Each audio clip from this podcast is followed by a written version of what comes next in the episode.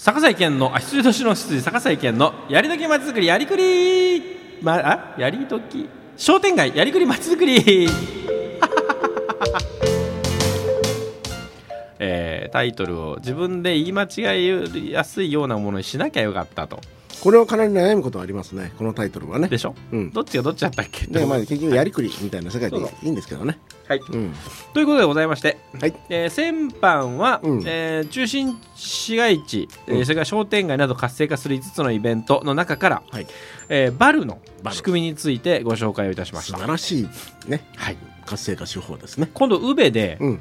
バルフェスタっていうのがあるみたいですけどはえあウベといえばもう時は公園ですよ。そうそうそう。でこれはですね、うん。あの5枚綴りのチケットは当たってる。ところがね1日目2日目っていうふうにおう。1日1枚しか使えない。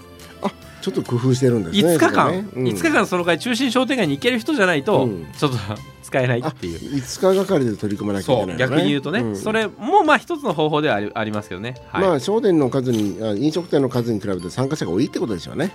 どうなんですかね。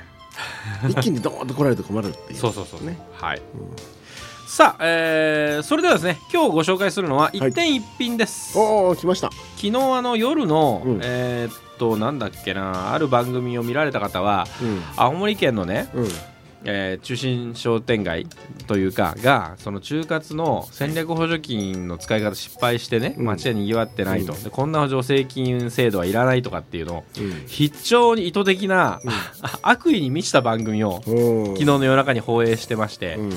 それに合わせるかのごとく、うんえー中心市街地の活性化の助成金は、うん。えー不要だと言って、うん。あのー経済産業省自身が言い出したと、うんこれはね非常になんか作為的なものを感じますね、あのー同じ日にっていうのはね、そうですね、ええ。他の面でも中小企業支援のためのあの輸出制度えのねえ、そうそうそう。あの何でしたっけ、えーそれも終わりますそう終わりますね、うん。はい、そういうこともあったりするんですけど、はい。さあ、えーすかといって、うん。ねじゃあそのそういううがった目で見なくても青森ってやっぱり一つ成功してるんです、でなぜなぜその失敗っていう切り口できあの紹介したくなるのは、うん。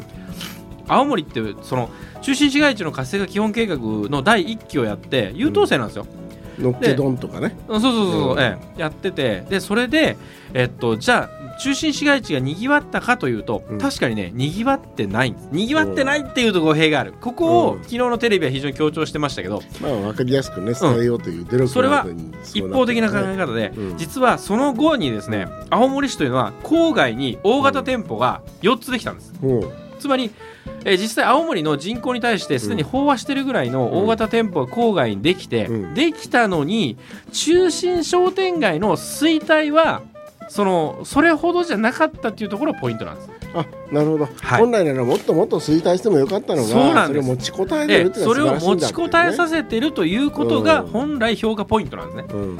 ええということでそれをやっている一つの方法一点一品運動の走りと言われておりますのが青森新町商店街でございまして、ええーっともう時間もあれなんで、まあ、今日は一緒に簡単一点一品運動といえば一つのお店が、えー一つのことを紹介しましょうと、ねえーいうようなことになってますよね。